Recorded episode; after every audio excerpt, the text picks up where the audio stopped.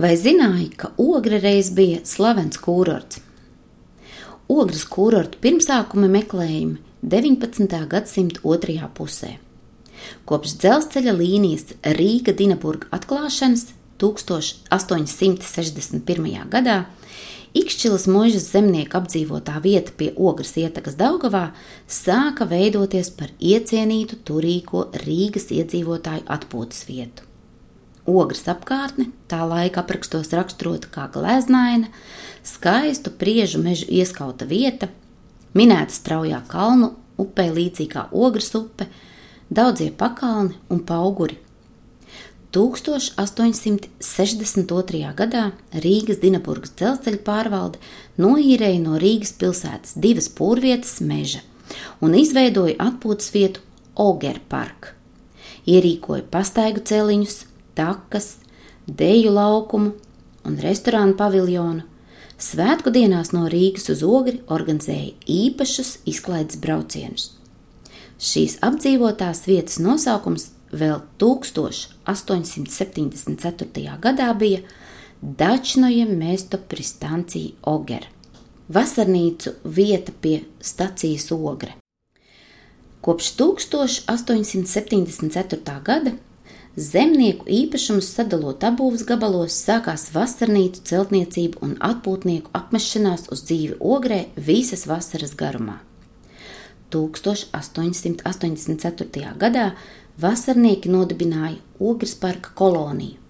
Tika izdoti noteikumi par teritorijas lietošanu, kuri noteica, ka Ogres parku uz visiem laikiem vajadzētu saglabāt kā parku, klusu atpūtas vietu, kur nedrīkst ierīkot norobežojošus žogus, aizliegts ierīkot krogus, restorānus, tirdzniecības un cita veida ienākumu gūšanas vietas, kokus atļauts cirst tikai ar speciālu atļauju un īpašs noteikuma punkts paredzēja, ka nedrīkst turēt kaķus.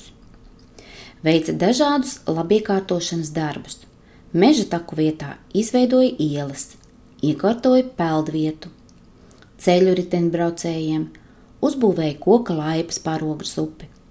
Kooperatīvu biedri organizēja koncertus, teātros uzvedumus, dēļu vakarus un koru sadziedāšanos. Noguruši no lielpilsētas trokšņiem, burzmas un putekļiem, rīznieki labprāt baudīja ogres mieru, ūdenspēles, svaigo priežu meža gaisu un skaistos skatus, kas pavērās no ogres kangaru kalniem. Svarīgs faktors kūrorta attīstībā bija nelielais attālums no Rīgas un ērtā satiksme. Dzelzceļa transports deva iespēju nogurdinošos braucienus pajūgos nomainīt pret patīkamiem ceļojumiem vilcienu vagonos. Ogra ar vilcienu bija sasniedzama 40-50 minūšu laikā. 1914. gadā Ogrē jau bija vairāk kā 300 vasarnīcu, taču veiksmīgi uzsākto kūrortu attīstību pārtrauca Pirmais pasaules karš, kad masveidīgā bombardēšana ogri bija gandrīz noslaucījusi no zemes virsmas. Pēc intensīviem atjaunošanas darbiem ogri kā gaisa un peldu kūrorts savu uzplaukumu piedzīvoja 1930. gados.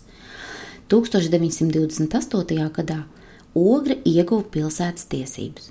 Uz to brīdi pilsētā bija jau 90 ielas un prospekti, kā arī vairāki pilnībā labiekārtoti parki. Pateicoties skaistajai dabai, veselīgajam klimatam un mērķtiecīgi pilsētas domas darbībai, Ogri kļuva par iecienītu atpūtas un veseļošanās vietu gan vasaras, gan ziemas sezonā. Atpūtnieku vajadzībām kalpoja trīs peldētavas - laivu piestātne, sporta spēļu laukumi, tenisa laukumi, viesnīcas un pansijas, tāpat peldu iestāde. Vasarās pilsētas parkos notika dažādi sarīkojumi - brīvdabas teātris izrādes, koncerti, balles, bērnu svētki, sporta sacensības un pat skaistuma konkursi. Vakaros jautri pavadīt laiku aicināja kafejnīcas un restorāni.